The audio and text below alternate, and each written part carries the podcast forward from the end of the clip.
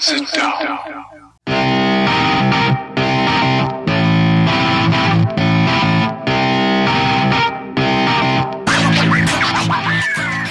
Witam wszystkich i każdego z osobna. Ja jestem Robert Kochan, a to jest Kochana NBA, najbardziej nieobiektywny podcast o najlepszej koszykarskiej lidze świata. W ten chłodny, jakże zimowy piątek jest tutaj ze mną jak zwykle Wiaro. Siema Wiaro, co tam u ciebie słychać? Siema Robert, siema wszystkim. W porządeczku, świętuję sobie kolejny piątek w tym roku. E, Moje świętowanko jest jakieś takie wątłe, e, jak, jak, jak jakoś ten piątek dla mnie osobiście nie jest wyjątkowy. Natomiast wyobraź sobie, że dzisiejszy piątek na pewno jest wyjątkowy dla Billa Russella, który obchodzi dzisiaj 87 już urodziny, pan 11 pierścieni. Także wszystkiego najlepszego dla Billa Russella. E, No, jeden z największych mistrzów w naszej kochanej NBA. Tego wszystkiego najlepszego Bill, popatrz, 11 pierścieni, 87 lat, to wychodzi tak pierścień co 8 lat, nie? Coś w ten deseń, no. 87 lat, a Bill Russell wciąż na Twitterze potrafi, że tak powiem, mm, przygrzmocić. No bo ostatnio, jak Tom Brady wygrał swój siódmy pierścień, to Bill Russell stwierdził, że no, jeszcze kawałek i, i może go w końcu dogoni ktoś, nie? Ja zawsze Billa Russella będę kojarzył z opowieścią Kennego Smitha, jak trenował go kiedyś w Houston i w autokarze kazał mu siedzieć obok siebie. E, Na pytanie Kenego, dlaczego trenerze mam siedzieć obok ciebie, Bill Russell zaczął wskazywać na innych członków zespołu, mówiąc because he's a loser, he's a loser, he's a loser. No i Tak było. E, No dobrze, także, także wszystkiego najlepszego, Bill. A my przejdźmy do tego, o czym chcielibyśmy dzisiaj porozmawiać, a troszkę właśnie porozmawiamy o trade'ach i o tym, kto na tym rynku transferów NBA będzie raczej chciał kupować, a kto sprzedawać. No jak starczy czasu, to na koniec zagramy sobie jeszcze w punkty pudło. E, No ale zacznijmy rozmowę od, od trade'ów właśnie, bo ostatnio mieliśmy okazję jeden taki e, zobaczyć. Słuchaj, Detroit Pistons wytradowali do Nowego Jorku, do Knicksów Derricka Rose'a e, w zamian za Denisa Smitha Jr. i pick e, Charlotte z drugiej rundy tegorocznego draftu. Jak Ci się podoba ten trade i, i połączenie znowu Derricka Rose'a z coachem Thibodeau? Mm, No, jak Ci już wspominałem o tym tradzie, u mnie poziom ekscytacji, jeżeli chodzi o, o tą wymianę zawodników, jest praktycznie zerowy. To jest ładna historia. To byłaby ładna historia lata temu, to by było coś, naprawdę. Jakbyśmy Derricka Rose'a w swojej najlepszej formie mogli zobaczyć z coachem Thibodeau pracujących razem w Nowym Jorku, no, no, to, no to zapewne byłbym mocno podekscytowany. Natomiast no, dzisiaj oczywiście oprócz wielkiego szacunku do Derricka Rose'a, bo to wciąż jest y, no, jedna z takich największych tragedii na zasadzie, co mogłoby być, gdyby nie kontuzje w NBA. Mm, Gość z tak ogromnym talentem, tak fantastyczny zawodnik, świetnie się go oglądało. No, każdy, każdy chyba, kto oglądał, kto jest fanem NBA, kto oglądał kiedyś, jak Derrick Rose gra w swoim choćby najlepszym sezonie, w którym MVP został, no ciężko tego zawodnika nie podziwiać za to, co, co, co wyprawiał wtedy. No ale dzisiaj to już jest, wiesz, wrak trochę zawodnika, gość po, po srogich kontuzjach, który nigdy już do tej optymalnej swojej formy nie wrócił, no, no a już też jest dość, dość wiekowym zawodnikiem, także no, ciężko się o, o, ciężko od niego oczekiwać, żeby jakieś nie wiadomo jakie cuda teraz w Nowym Jorku wyprawiał i nie wiadomo gdzie tą drużynę zaprowadził, także to taki troszkę, no, no jak mówię, no taki trade, o którym wspominamy mm, przynajmniej z mojej strony z grzeczności, bo faktycznie się wydarzył i jest to trade w NBA, ale no mój poziom ekscytacji tutaj jest niewielki, raczej to niewiele wnosi moim zdaniem ani dla Nowego Jorku, ani, ani dla Detroit Pistons, też to niewiele zmienia, bo no Dennis Smith Jr. to już chyba taki, taki oficjalny nie wypał z draftu, chłopak, który to już jego zespół czwarty chyba z kolei, w którym czy trzeci, trzeci na pewno, jak, jak nie czwarty, w którym nie może się odnaleźć, a to przecież chyba szósty czy, czy dziewiąty pik z draftu, jakiś wysoki w loterii, w każdym razie chłopak wybierany, bardzo atletyczny, wróżono mu taką powiedzmy takim, widziano w nim takie, takiego następcę Russella Westbrooka, ale jak widać bardzo daleka droga e, do, do tego celu dla niego. No plus oczywiście ten pik w drafcie, no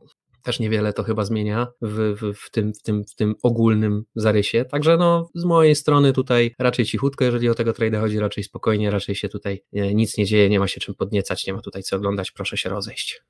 Słuchaj, no na pewno nie jest to żaden blockbuster trade, tak? Na pewno nie jest to, wiesz, jakieś takie super wydarzenie, które, które nagle sprawia, że, że wszyscy w NBA zaczynają, zaczynają robić emergency podcasts i tak dalej, i tak dalej. Ten trade się stał, nikt szczególnie nawet na Twitterze specjalnie się nim nie jarał, ale ja ci się przyznam osobiście, że bardzo go lubię i to, i to z wielu powodów. Uważam, że to jest bardzo fajny trade w zasadzie dla każdego, e, kto brał w nim udział. Zacznijmy może od Detroit, tak? Detroit ma jasny cel chyba w tym sezonie.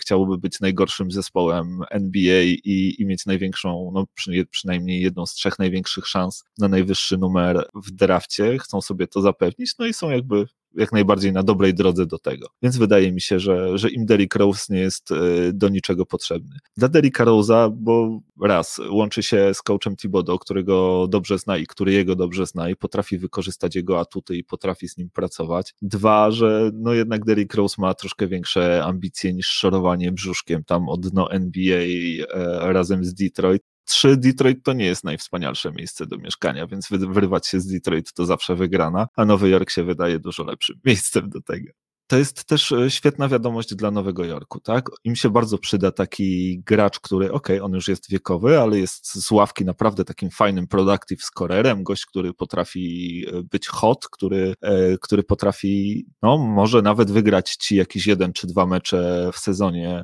a oprócz tego dorzuca ci to swoje właśnie 14-15 punktów na mecz, na, na nie najgorszych skutecznościach, wiesz, on fajnie penetruje, a do tego jest naprawdę takim też fajnym weteranem, dobrym, który dużo przeżył, który myślę, może z tymi młodymi zawodnikami Knicks e, popracować, no i, i coś tam się e, fajnego może stać. Więc Nowy Jork tutaj myśli ewidentnie o tym, że żeby e, spróbować zawalczyć przynajmniej o ten turniej play to może być fantastyczne doświadczenie dla tych młodych zawodników i coś, do czego ja nie jestem przyzwyczajony, czyli takie budowanie winning culture w Knicksach. Więc moim zdaniem tutaj naprawdę fajny trade, nic wielkiego, ale, ale wydaje mi się, że, że, że jakby no bardzo, bardzo pozytywny trade.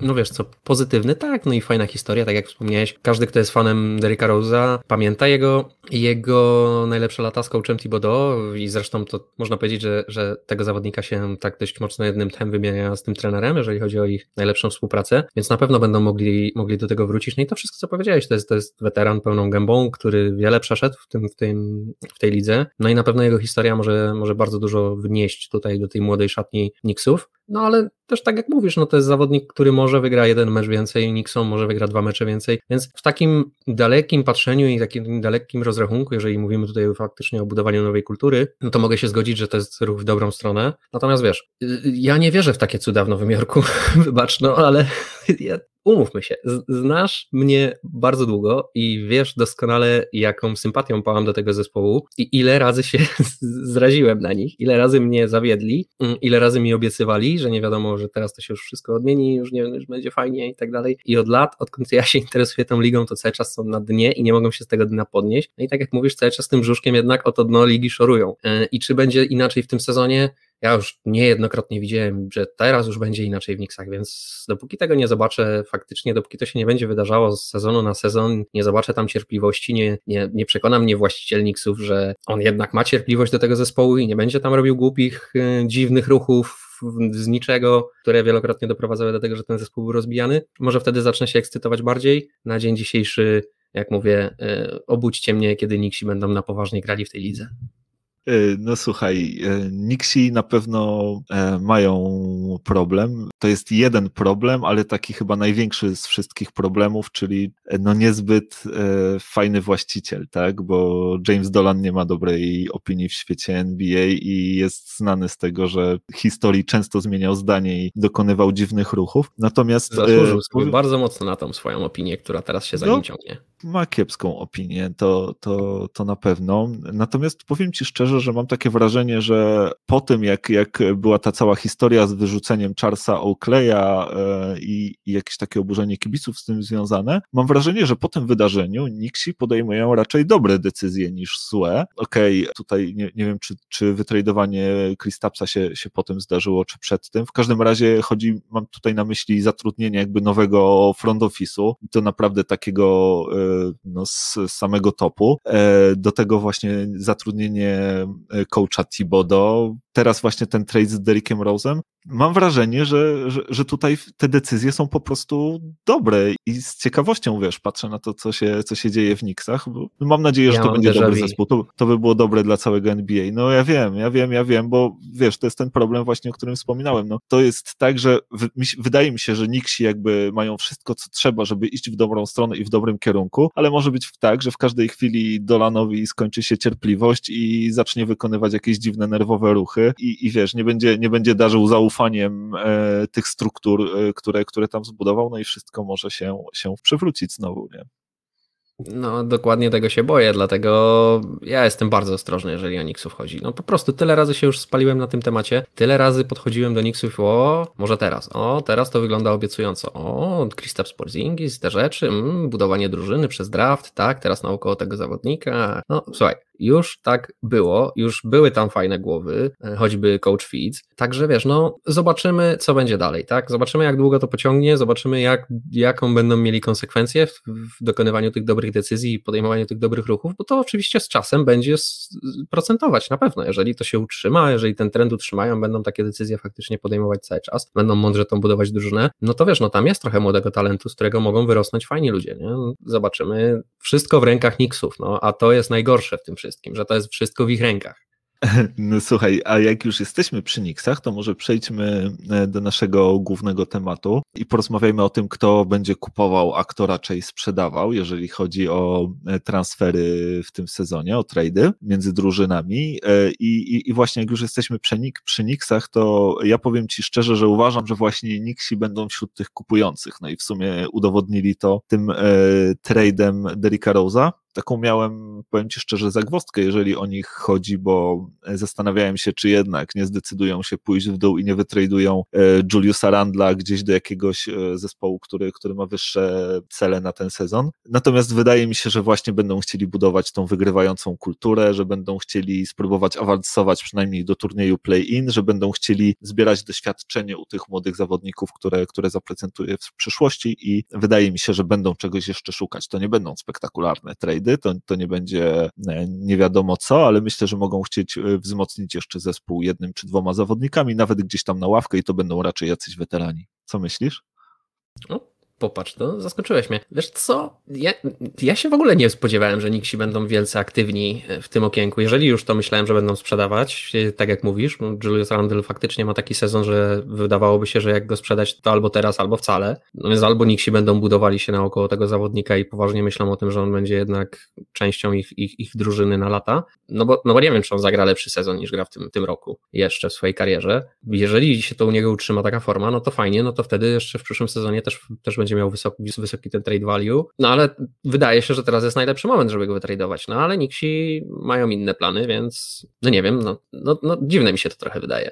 Wiesz, ja mam dokładnie to samo uczucie, natomiast to tak sobie pomyślałem, kurczę, jak tankować z coachem Thibodeau na ławce, czy to jest w ogóle możliwe, czy no okej, okay, możesz, mu, możesz mu zabrać e, możesz mu zabrać wszystkich zawodników, no ale to chyba się też nie na to e, umawiali z Tipsem, kiedy, kiedy tam przyjmował pracę. Wydaje no. mi się, no. że to jest trener, który chciałby wygrywać, który, który potrafi e, też dobrze z zawodnikami pracować, więc no dlatego gdzieś tam wydaje mi się, że oni mogą jednak, jednak tego tank przycisku nie włączyć i, i jednak próbować zawalczyć o te playoffy ale wiesz, jak to w Nixach. Tak jak mówiliśmy, wszystko się może zmienić e, no w momencik. Dobra, zostawmy, słuchaj, e, tych Nixów. E, niewykluczone, że jeszcze w te rejony Nowego Jorku wrócimy, no ale może teraz ty, ty powiesz, jaka jest twoja drużyna i czy, i czy uważasz, że będzie raczej kupowała, czy, czy, czy sprzedawała? Dobra, to ja znowu homersko.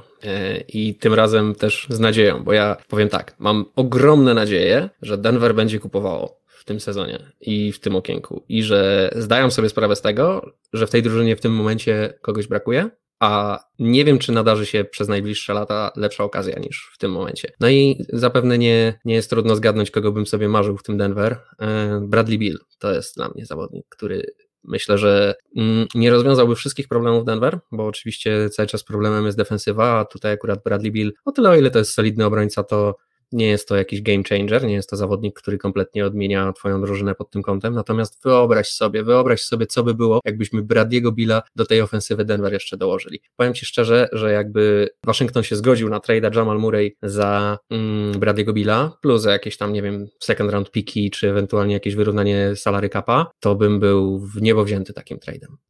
Myślę, że nie obyłoby się bez pików pierwszorundowych, jeszcze ze dwóch i pewnie jakiegoś second roundera. Tutaj myślę, że Washington raczej Bradley'a Billa tanio nie sprzeda. Natomiast e, chciałem po pierwsze powiedzieć, że, że rzeczywiście e, zgadzam się z Tobą, że też uważam, że, że Nuggets będą chcieli kupować. Też uważam, że będą raczej chcieli kupować dwa rodzaje zawodników. E, jeden to jest e, jakiś właśnie dobry shooting guard, e, a drugi typ zawodnika to jest zawodnik, który potrafi grać w obronie, bo, bo, bo wydaje mi się, że mocno straciliście e, oddając Jeremiego Granta do Detroit tej obrony, że Millsap się troszkę też postarzał. No, i, no nie, no Millsap nie jest już tym zawodnikiem co kiedyś, to, to bez dwóch zdań. No i, no i właśnie tej obrony troszkę brakuje, więc wydaje mi się, że tutaj będziecie na pewno szukać e, wzmocnień i, i będziecie kupować. Macie, macie też jakby jak najbardziej asety do tego, żeby handlować i proponować e, różnym teamom różne rzeczy. Natomiast no raczej, raczej nie sądzę, żeby,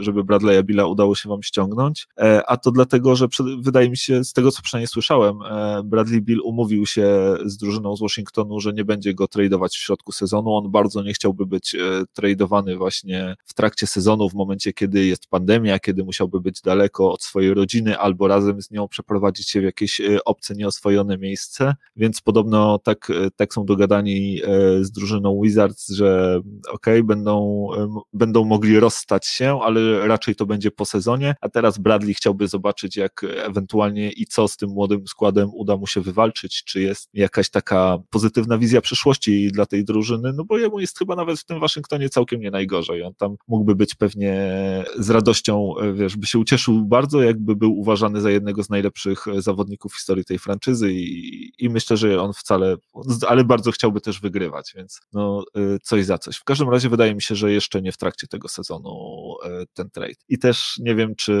Jamal Murray y, to byłby ten zawodnik, którego by Washington chciał. Myślę, że jeżeli Washington by tradeował Bradley'a Billa, to jednak za młody prospekt i dużo pików i wydaje mi się, że to byłby właśnie Michael Porter Jr. i jakaś taka paczka pików. Plus jakieś cash, w sensie wyrównanie salary. No, masz bardzo dużo racji w tym, co mówisz. Ja sobie tutaj pozwoliłem na taki życzeniowy scenariusz. Bo ja bym bardzo chciał, żeby było tak, e, żeby właśnie Waszyngton się zgodził na, na takiego trade'a, w którym główną postacią będzie właśnie Jamal Murray, żeby Waszyngton sobie tak cenił Murray'a, albo żeby go tak Denver sprzedało, żeby się Waszyngton na tego trade'a zgodził, ale też mi się wydaje, że są na to nikłe szanse. Ja się obawiam tego okna. Największa bomba już na szczęście się wydarzyła. James Harden do Denver nie przyjdzie.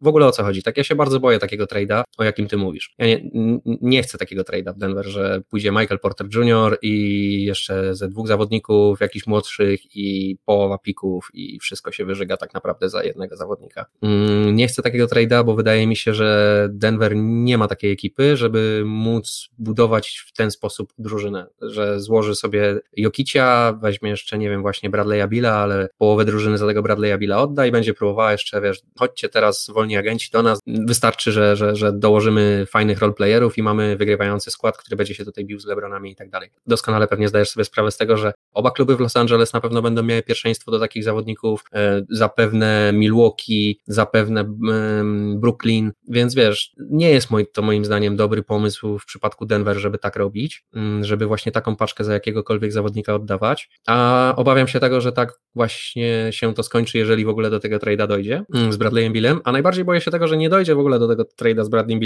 tylko wyżegamy właśnie tych młodych zawodników i te piki za jakiegoś, za jakąś pomoc pokroju PJ Tuckera i będzie to po prostu e, więcej tego samego, co mamy teraz, więcej tych samych problemów, a pozbędziemy się tego całego, że tak powiem, kapitału, za którego można sprowadzić gwiazdę do Denver. Nie? I ten kapitał jest, i jeżeli z Michaela Portera Juniora taka gwiazda nie wyrośnie, no, a może wyrośnie, może nie wyrośnie, to na pewno można przy pomocy właśnie tego zawodnika polować na takich gości jak Bradley Bill i próbować takich gości ściągnąć. I no, ja wciąż bym wolał, żeby to był y, Jamal Murray, no bo oni się w miarę pokrywają tutaj na pozycjach mm, z Bradleyem Billem, Milan bo Murray to też nie jest taki rozgrywający pełną gębą, to jest też raczej taki rzucający obrońca, a poza tym my mamy rozgrywającego centra, więc nam nie ma, nie, u nas nie potrzeba tego, żeby ktoś, żeby, żeby przyprowadzić zawodnika, który będzie robił 10 asyst, u nas potrzeba zawodnika dokładnie takiego jak Bradley Bill. On by był po prostu, pomijając oczywiście tą defensywę i to, co mówisz, że jak najbardziej się jeszcze tutaj by wypadało wzmocnić, to myślę, że jeżeli by się udało właśnie takim sprytnym i takim dobrym dla Denver trade'em, czyli właśnie Jamal Murray plus jakieś piki, plus ewentualnie jakieś wyrównanie tego salary capa, takiego trade'a przeprowadzić z Bradley Billem, no to by była rewelacja, to by było Mistrzostwo Świata, bo ta drużyna wtedy naprawdę byłaby już o krok od tego, żeby, żeby, żeby wygrywać mm, regularnie i to na poważnie, no ale do tego jeszcze daleka droga, no, no ja się boję tego okna, tak jak mówię, mimo wszystko. Nie? Mnie się wydaje, że te, te o moje optymistyczne scenariusze, których bym sobie życzył, to się oczywiście nie spełnią, no bo one są takie optymistyczne i życzeniowe, jakby nie było, więc pewnie, pewnie tak nie będzie, pewnie będzie tak jak mówisz, że Bradley Bill nie będzie chciał w ogóle w tym, w tym okienku transferowym nigdzie odchodzić, poczeka do przyszłego sezonu, no i Denver zostanie trochę z niczym, no i będą musieli po prostu się zadowalać właśnie jakimiś takimi, wiesz, zawodnikami, żeby wzmocnić skład na teraz. Obawiam się, że niewiele z tego wyjdzie. Ech, no, no cóż, życie kibica Denver.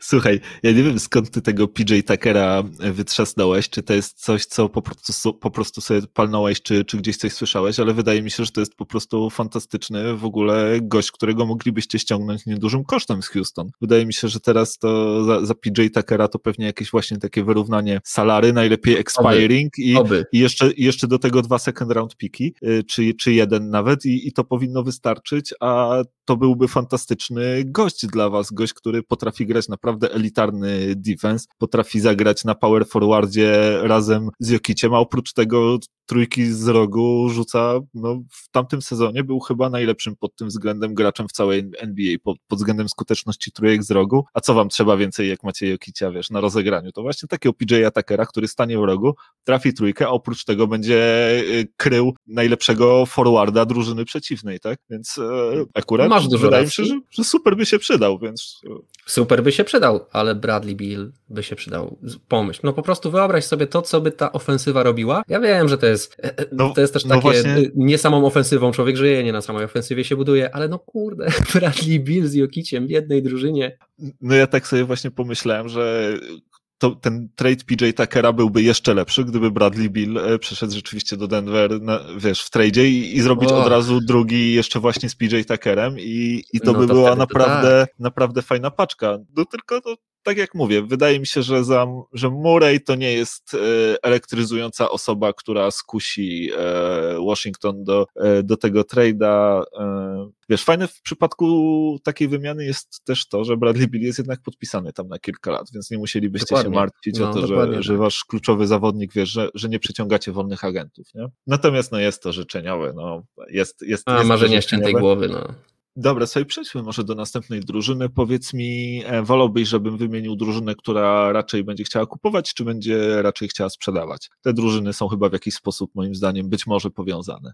To wiesz co, to może zacznij od drużyny, która będzie chciała kupować, żeby już było do kompletu, potem przejdź do drużyny, która e, twoim zdaniem się z tym wszystkim łączy i będzie chciała sprzedawać, a ja wspomnę na koniec o mojej drużynie, która będzie chciała sprzedawać. E, dobra, słuchaj, myślę, że yy, a w zasadzie to nie jest kwestia myślenia. Ja to wiem, bo, bo usłyszałem to z ust samego sterującego. Danny Ainge e, powiedział ostatnio, że Celtics idą na zakupy. E, że Celtics idą na zakupy, tak, i będą szukać e, size and shooting, czyli wysokość i, i, i celność, tak? E, z Duranta, tak?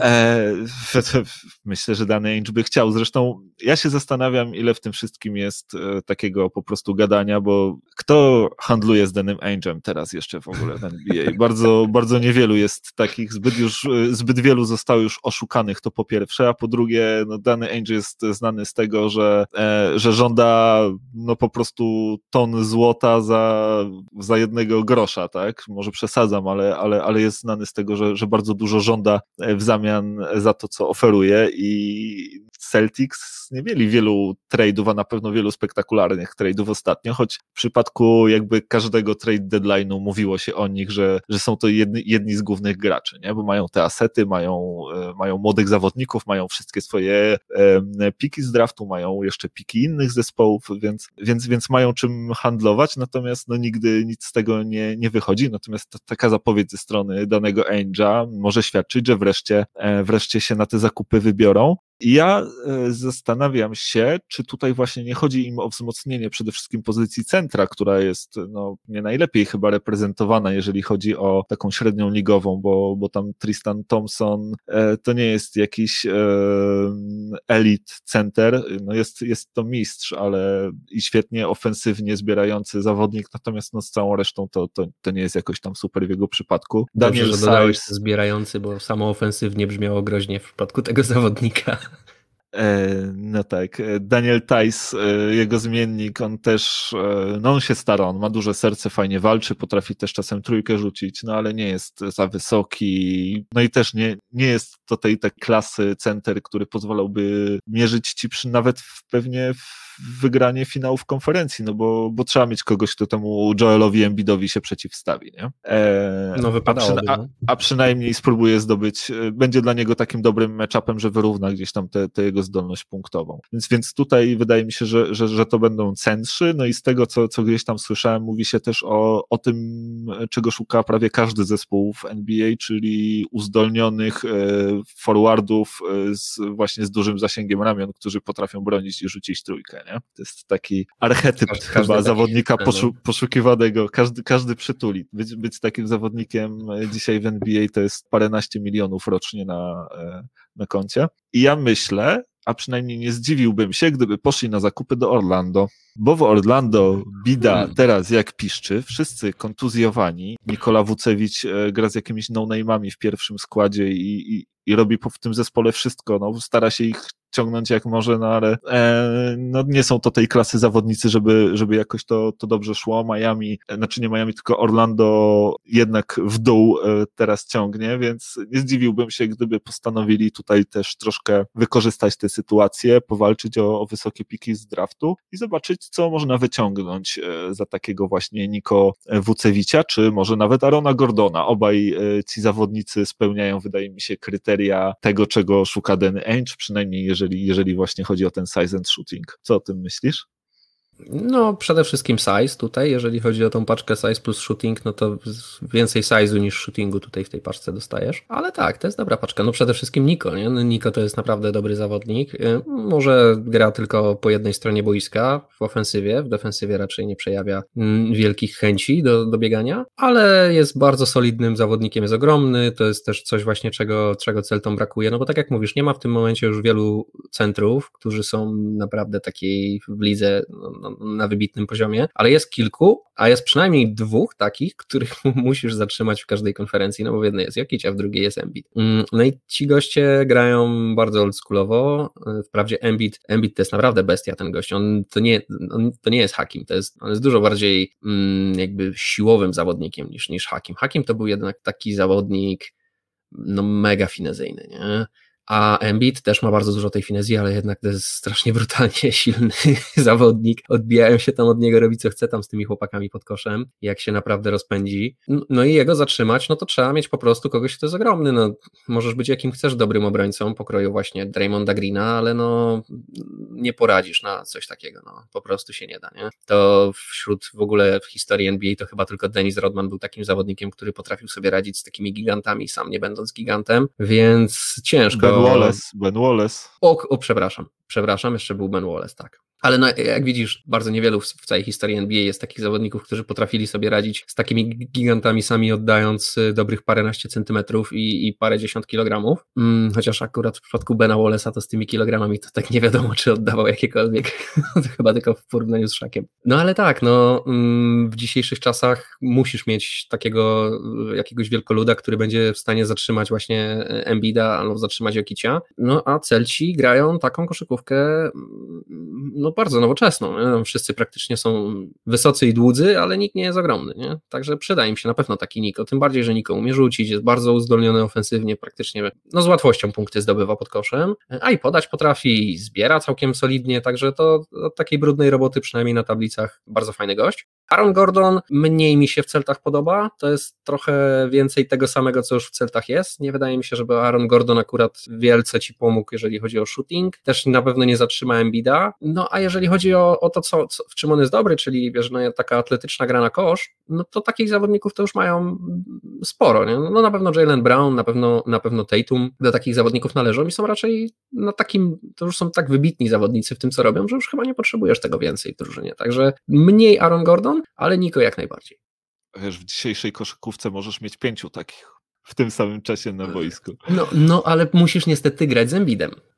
No jak tak. chcesz, e, wiesz, więc możesz, wiesz, ale... Okej, okay. Embiid nie będzie grał cały mecz e, tak, żeby on zdobywał punkty, bo, bo też się zmęczy i możesz oddać punkt. Okay, Embiid, zdobądź tyle punktów, ile chcesz, my będziemy kryć pozostałych, będziemy cię tu męczyć, nękać i, i próbować ci odebrać piłkę, zanim jeszcze wejdziesz pod kosz, i, a jak wejdziesz na posta, to tam dostaniesz parę łokietków od każdego z nas e, i, i graj tak 48 minut i, i wiesz, a, a oprócz tego to, co zyskujesz, mając e, samych takich zawodników dookoła, no, wydaje mi się, że to jest trochę strona, w jaką, w jaką zespoły NBA idą coraz bardziej. Pewnie to, o czym mówię, jest ekstremum, ale, ale to jest jednak chyba ten kierunek.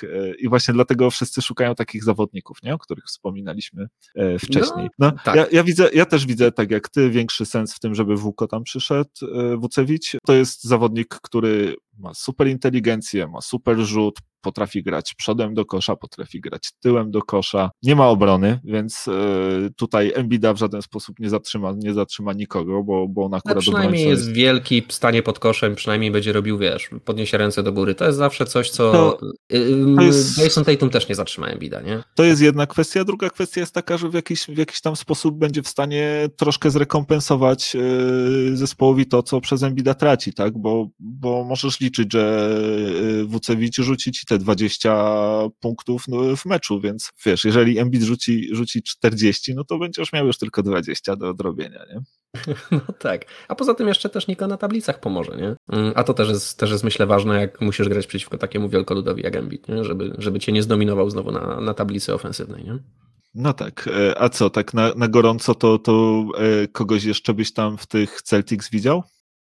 Wiesz co, właśnie się zastanawiałem, że ciężko o taką paczkę, w której dostajesz jedno i drugie. No ja owszem mogę zaproponować taką paczkę, w której będzie size i shooting, ale w, w dwóch zawodnikach, a nie w jednym. Nie? Mm, no bo na przykład taki Andre Drummond, ja rozumiem, w którą stronę idzie NBA, w którą stronę idzie koszykówka, mm, że w tym momencie w ten sposób się gra, ale w tym momencie też w ten sposób się gra z tego powodu, że nie było dominujących centrów. Nie?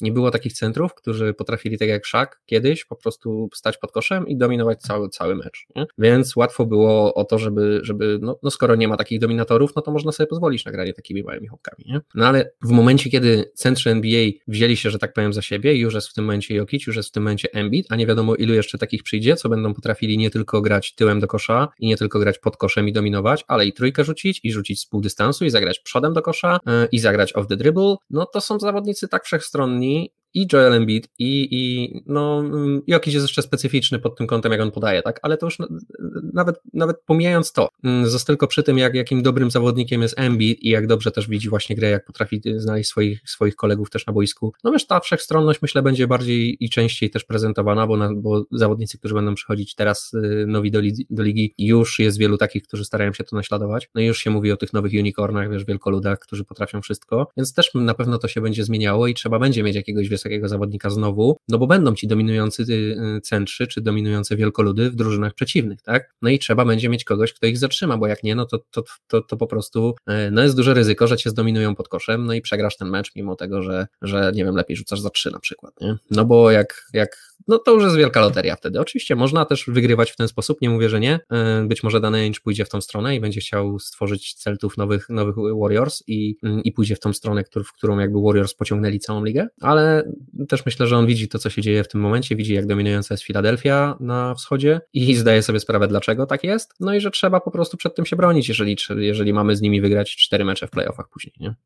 No ja się tutaj z tobą absolutnie zgodzę, że, że Drummond to byłby, to byłby fajny nabytek dla Celtics, że taki, no przynajmniej jest to size, tak? Nie masz tutaj shootingu, ale ten size jest solidny i to jest gość, który chyba trzy razy już był liderem, jeżeli chodzi o zbiórki w NBA w całym sezonie, więc na pewno tych e, zbiórek ci e, dużo może dostarczyć i no ownuje te tablice po obu stronach parkietu, więc to, to ma jakby duży sens. E, wracając jednak jeszcze do Celtics, to tak e, przyszło mi do głowy, że taką też ciekawą e, propozycją chyba nawet połączeniem, powiem ci, size and shooting, e, a przy okazji zawodnikiem, który chętnie zmieni, zmieniłby otoczenie, to, to jest takie skojarzenie Celtics z Kevinem Love'em.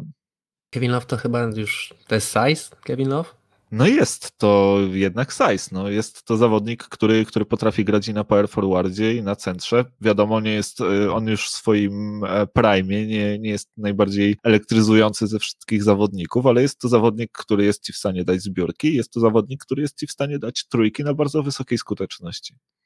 No, powiem Ci tak, yy, bardzo ciekawe to jest. Co, co, wy, wywlokłeś na wierzch nazwisko, które zostało przeze mnie zapomniane, a to naprawdę był kiedyś fantastyczny zawodnik. I w sumie to nie wiadomo, czy dalej nie jest, bo on jakiś wielce stary nie jest, i chyba z jakimiś też strasznymi kontuzjami się nie borykał, aczkolwiek nie grał od dłuższego czasu, nie? Więc no zobaczymy. No, na pewno zmiana otoczenia dla Kevina Lowa to już jest, mam wrażenie, że mówimy o tym co roku już od, od dobrych kilku sezonów, że wypadałoby tego zawodnika wytradować z Cleveland, no bo on tam w sumie nie ma co robić, a, a są drużyny, którym by się na pewno przydał. Pytanie, jak bardzo to jest aktualne w 2021, ale na pewno jest to ciekawa, słuchaj, opcja i Boston mógłby być takim zespołem. Boston na pewno takich zawodników ceni i umie z takich zawodników korzystać. Ceni, wiesz, jak, wiesz jak Boston ceni zawodników, nie? Także umówmy się, nie? Ale, ale na pewno mm, pod kątem boiskowym na pewno sobie ceni takich zawodników i na pewno chciałoby takiego zawodnika u siebie w zespole mieć.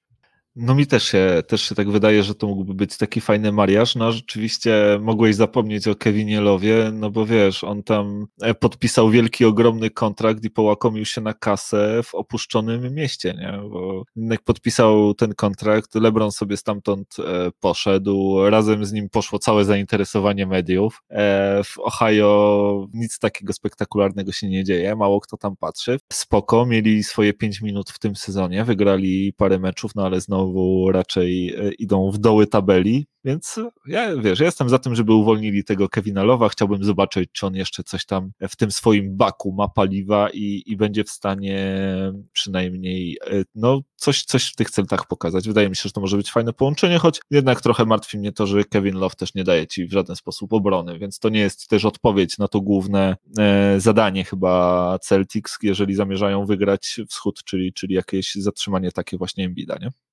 No, no nie, obrona to, to, to, to, nie jest żadna. No ale to tak jak mówisz, to jest y, forward, który potrafi rzucać trójki i to potrafi rzucać trójki naprawdę dobrze. Nie? To, a to jest cenne, a to dodatkowo gość, który potrafi zebrać, bardzo inteligentny zawodnik boiskowo. Także myślę, że wiesz, bo on w obronie Celtów mógłby też nie być najgorszy, bo nie był jakąś tragiczną, czarną dziurą w defensywie, nie? A, a Celci zawsze się opierali jednak, wiesz, na takim ogólnym mm, team defensie, nie? No tak, tak, tak. Słuchaj, e, mam dla ciebie taką e, propozycję. Może przelećmy sobie tak przez pozostałe zespoły, ale ograniczmy się tylko do jednego słowa. Ja będę mówił zespół, a ty możesz powiedzieć e, kupujący, sprzedający albo konstans, tak? Bo w przypadku bardzo wielu zespołów, które albo nie mają możliwości trade'owych, asetów, albo mają już jakby taką ułożoną drużynę, no to, to, to może być to konstans też, no nie? Co ty na to? No, jak najbardziej. Ale pozwól, że tylko tak na szybko wtrącę jedno nazwisko jeszcze a propos Celtów. Karl Antony Towns. O, nie, nie puści go Minnesota. Oni tam przecież z D'Angelo Russellem sobie stworzyli swój mały, ciepły, przytulny klubik. Nie, nie, nie, oni tam, e, oni, oni zamierzają e, w tej Minnesocie razem przegrać, więc... E... Inaczej, myślę, że Celtics by bardzo chcieli i by bardzo dużo oddali. I myślę, że Karl Anthony Towns jest świetnym talentem może nie aż tak dobrym, jak wszyscy uważali jeszcze rok czy dwa lata temu, ale ciągle fantastycznym e, centrum i takim nowoczesnym zawodnikiem na tej pozycji. No ale myślę, że Minnesota nie, nie będzie chciała go wymienić. Oni już, wiesz, wymienili kiedyś Garneta, który wygrał potem Celtom mistrzostwo, nie? Więc e, tutaj... Widzisz, co tam się takie, dzieje w tej Minnesocie. Myślę, że, że czas za, za koło myślę, zatoczy. Myślę, że czas. Myślę, że najwyższy czas. No, ja powiem ci szczerze, chętnie bym to zobaczył. To by był taki blockbuster trade w tym sezonie i taki pewnie dla wielu zaskakujący. Bo, no bo ja się, ja bym, ja bym e, Townsa nie wymieniał na miejscu Minnesoty. No, no tak tylko rzucam na wiatr. Dobra, to dawaj, jedziemy. No słuchaj, na przykład Utah Jazz. Konstant. Też myślę, że Constance. Los Angeles Lakers. Myślę, że będą chcieli kupować. Ja myślę, że Constance. E, Clippersi Też myślę, że będą chcieli kupować. będą chcieli kupować. E, Suns. Myślę, że konstant. Ja też myślę, że Constance. Trailblazers. Chyba konstant, tam chyba nie ma z czego uderzyć. No, bez zmian, nie? No. E, Spurs. Yy, bez zmian raczej. Bez zmian. Spurs nigdy nie dokonują trade'ów w trakcie sezonu. Ba, ba, bardzo rzadko. Oni, oni, oni między sezonami. Także raczej od bardzo, bar, bardzo dawna chyba tego nie zrobili. Denver. Rozmawialiśmy Golden State Warriors. Myślę, że będą chcieli sprzedawać. A ja myślę, że będą chcieli kupować. O, widzisz, no to, to, to, to ciekawe. Chociaż to się często łączy ze sobą, bo chcesz sprzedać. E, Myślę, że będą Oubre, chcieli coś żeby- wymienić. No właśnie, nie, No, myślę, że nie są czas- zadowoleni z Wigginsa Tak, my, będą coś, coś, coś tam, e, ale myślę, że będą starali się być lepsi, tak? W- tych, w tych No tak, tak. Mm, e, Memphis? Uuu, yy, myślę, że będą chcieli kupować. No widzisz, ja myślę, że, że bez zmian raczej, raczej będą. Myślę, że są zadowoleni z tego, co tam mają, co, co budują, z fajnych weteranów, e, więc wydaje mi się, że nie, że nie będą tutaj jakoś szczególnie kombinować. Ja myślę, że takie drużyny często popadają w ten syndrom, że uuu, ale nam fajnie idzie, powalczmy o playoffy. I, I to nieraz się właśnie niedobrze kończy. Myślę, że powinni właśnie nic nie robić i spokojnie się rozwijać i to jeszcze nie w tym sezonie, uzbroić się w cierpliwość, ale myślę, że może im zabraknąć tej cierpliwości. Sacramento? Podobnie. Myślę, że może im zabraknąć cierpliwości i będą chcieli kupować. Ja myślę podobnie. Dallas? Dallas to na pewno będzie chciał kupować i zresztą powinno, bo tam, tam coś trzeba jednak zamieszać chyba w tym zespole. Też tak myślę. Pelicans? Chyba będą chcieli sprzedawać. Też tak myślę. Myślę, że się pogodzili już z tym, że, e, że będzie ciężko o te playoffy w tym sezonie i Stan się wkurzy troszkę. A mają też co sprzedawać. Mają, mają bardzo, bardzo dużo do sprzedawania, a David Griffin kocha e, piki. Rackets? Chyba bez zmian. Chociaż może będą chcieli coś sprzedać. No Ja myślę, że, że, że, że posprzedają właśnie coś. E, OKC? Bez zmian myślę. Bez zmian myślę, chyba że ktoś zechce cokolwiek wziąć oprócz Sheya, Gilgis, Alexandra i da za to first round piki, to, to odkopa. Ale nie ma więcej. Minnesota? Myślę, że będą chcieli sprzedawać. Że będą chcieli sprzedawać. A ja myślę, że bez zmian. Nie ma po co sprzedawać, bo i tak są na samym dnie, więc e, ni- niżej już nie, gorsi się nie staną, chyba żeby sobie, nie wiem, e, zejść z salary kapu, ale jak kupować też nie chcą, bo są już pewnie pogodzeni ze swoim losem. E, dobra, słuchaj, Filadelfia. Bez zmian. Ja myślę, że mogą coś próbować kupić. E, pamiętaj, kto tam za starami? Ale Creative dobrze gra. No, Dobrze gra. Tak. Bucks Bez zmian. Ja bym się nie zdziwił, jakby coś próbowali kupić. Im brakuje tego trade'u Bogdanowicza, który się, tego sign and trade'u, który się nie wydarzył i wydaje mi się, że coś tam mogą jeszcze pokombinować, bo, bo chcieliby wzmocnić ten zespół. Nic spektakularnego raczej. Brooklyn Nets Mm, No myślę, że będą kupować. też myślę, że będą kupować. Celtics rozmawialiśmy. Indiana Chyba bez zmian. bez zmian. Toronto to jest ciekawe. Toronto może sprzedawać. Też myślę, że będą sprzedawać. Charlotte Uuu, to jest ciekawe. Nie no, myślę, że bez zmian, ale w Charlotte się wszystko może wydarzyć. Ja bym powiedział, że bez zmian, ale mam wrażenie, że będą chcieli sprzedać przynajmniej któregoś ze swoich point guardów. Albo No to właśnie tam jest ciasno teraz. Rozier, albo to będzie Devonte Graham. Hawks, Atlanta. Chyba bez zmian. Ja też myślę, że bez zmian. Miami. Bez zmian. Może będą próbowali coś kupić. Ja myślę, że będą próbowali kupić. O Bradley'a Knicksach Billa? rozmawialiśmy. To się nie stanie. O Knicksach rozmawialiśmy. e, Chicago. Chicago będzie sprzedawać. O, widzisz, Zach Lawin. Mogliśmy o nim dzisiaj porozmawiać trochę szerzej. Przepraszam, Zach. Hmm. Ja widzisz, a ja myślę, że będą kupować. Krążą plotki, że sobie gdzieś tam na Lonzo Bola zęby ostrzą, ale oni mogą skończyć. Z nimi jest jak z Knicksami trochę. To jest ta sama kategoria, ten sam koszyk. No, Zach, Zach też, też- był fajny w Denver, tak też- tylko cicho też- powiem. E, Cleveland. No, no Cleveland, no, będą, może będą sprzedawać Kevina Lowa. Tak, no myślę, że, że jak coś się uda sprzedać, to, to chętnie sprzedadzą. E, O Orlando rozmawialiśmy, o Detroit rozmawialiśmy i został jeszcze Washington. No, Waszyngton myślę, że bardzo by chciał sprzedać. E, myślę, że nie chciałby też z drugiej strony, no ale, ale no chyba będzie, nie wiem, ciężko mi się wypowiedzieć o tym Waszyngtonie, jak widzisz. Nie? Z jednej strony najwyższy czas tego Bradley'ego Billa uwolnić i sprzedać i niech on idzie do drużyny wygrywającej, a z drugiej strony są wszystkie te argumenty, o których mówiłeś. No a co więcej może zrobić Waszyngton? No tak. Tam nie ma za bardzo więcej co sprzedać ani kupić, nie? Przecież Westbrooka nikt nie kupi. No ciężko pożonglować coś jeszcze tym składem. No, jeżeli coś, to jakieś małe ruchy, pewnie niewiele wnoszące do, do sytuacji tej drużyny. Chyba, że się zdecydują mimo umowy z Billem, może, te, może nigdy się też na taką umowę nie zgodzili, to tego nie, nie mam takiej pewności, ale, e, ale może jednak będą go chcieli wytradować. Zobaczymy. E, dobra, słuchaj, przejdźmy do, do ostatniego, może nie tematu, do, zagrajmy na koniec po prostu w punkty pudła jest jeden taki temat, o którym, chciałbym, e, o którym chciałbym z Tobą pogadać. E, może bez jakiegoś takiego wielkiego przedłużania, natomiast e, ostatnio Nick Young, nie wiem czy kojarzycie takiego zawodnika, niejaki Swaggy P z ksywy, jeden pewnie z najmniej ulubionych kolegów z drużyny dla Kobiego, zatweetował ostatnio, że Lamelo Ball jest top 10 point guardem w NBA. Teraz Wiaro, mam pytanie do ciebie punkty czy pudło? Lamelo jest top 10 point guardem NBA? No, chyba kpisz. Nie, nie, absolutnie nie. Wiesz co, to był taki rzut. Mm, Nick Young miał, miał tendencję do tego, żeby rzucać e, i uważać, że wszystko trafia. No i nawet się specjalnie nawet nie przejmował tym, gdzie ta piłka wyląduje, odwracał się, już pewny siebie podnosił ręce, że ja trafiłem, nie? No i tak to właśnie z nim jest, a tu jest pudło tak naprawdę i to, to, to jest solidny airball, za który, za, za niedoloty to, to, to, to nie 5 zł, to, to, to parę tysięcy złotych w tym przypadku. E, top ten point guardem, Lamelo Ball. Ty powiesz to lepiej niż ja, więc ja po prostu powiem mm, z innej perspektywy. To, że ktoś jest widowiskowy, to absolutnie nie znaczy, że jest e, dobrym zawodnikiem. To, że ktoś nie jest widowiskowy, to absolutnie nie znaczy, że jest złym zawodnikiem. Ja byłem kimś, kto się kiedyś, e, kto tego kiedyś nie rozumiał. Dla mnie tylko widowiskowi zawodnicy to byli dobrzy zawodnicy, dlatego Tim Duncan to był e, wielki nudziarz dla mnie, którego nigdy sobie nie doceniałem, jak byłem młodym, młodym fanem NBA. No ale teraz mam ogromny szacunek do takich zawodników i wiem, że to nie tutaj jakby to wszystko jest położone, więc to, że gość potrafi super fajnie podawać, a naprawdę potrafi super fajnie podawać, mnie też się te jego podania podają podobają, to nie czyni z niego e, jednego z dziesięciu najlepszych point guardów. Point guardów dobrych w tej lidze mamy od groma, więc e, no sorry Lamelo, jeszcze, jeszcze długo nie.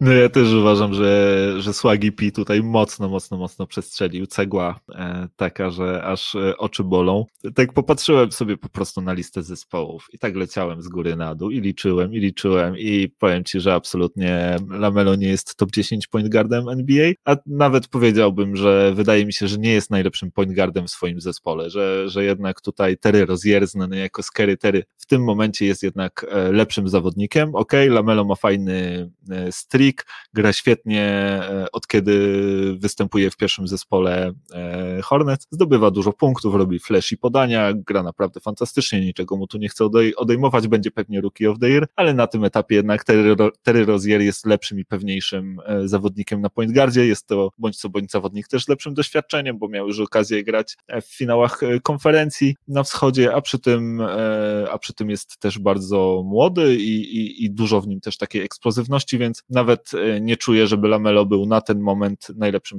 e, point guardem swojego zespołu. To się może szybko zmienić. Lamelo może, może rosnąć i rosnąć i rosnąć na naszych oczach. Nie wykluczam tego. Na ten moment e, absolutne pudło i, i, i, i mogę powiedzieć jak you feel me? we back in the building, jak to e, Nick Young kiedyś palnął w wywiadzie pomeczowym, jak wygra, wygrali jeden mecz e, w, w, jednym z najgorszych sezonów w historii Lakers E, więc, więc e, on jest znany z tego, że potrafi palnąć e, takie dziwne rzeczy.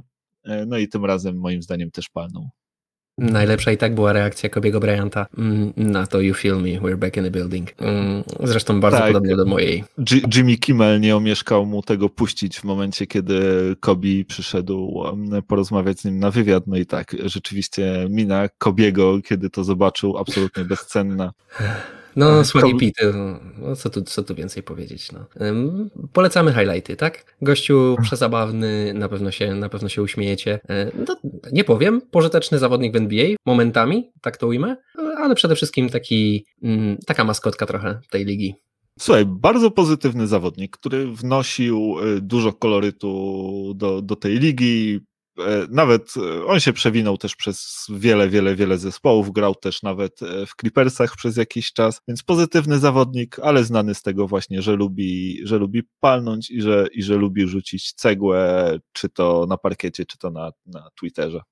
Dokładnie tak.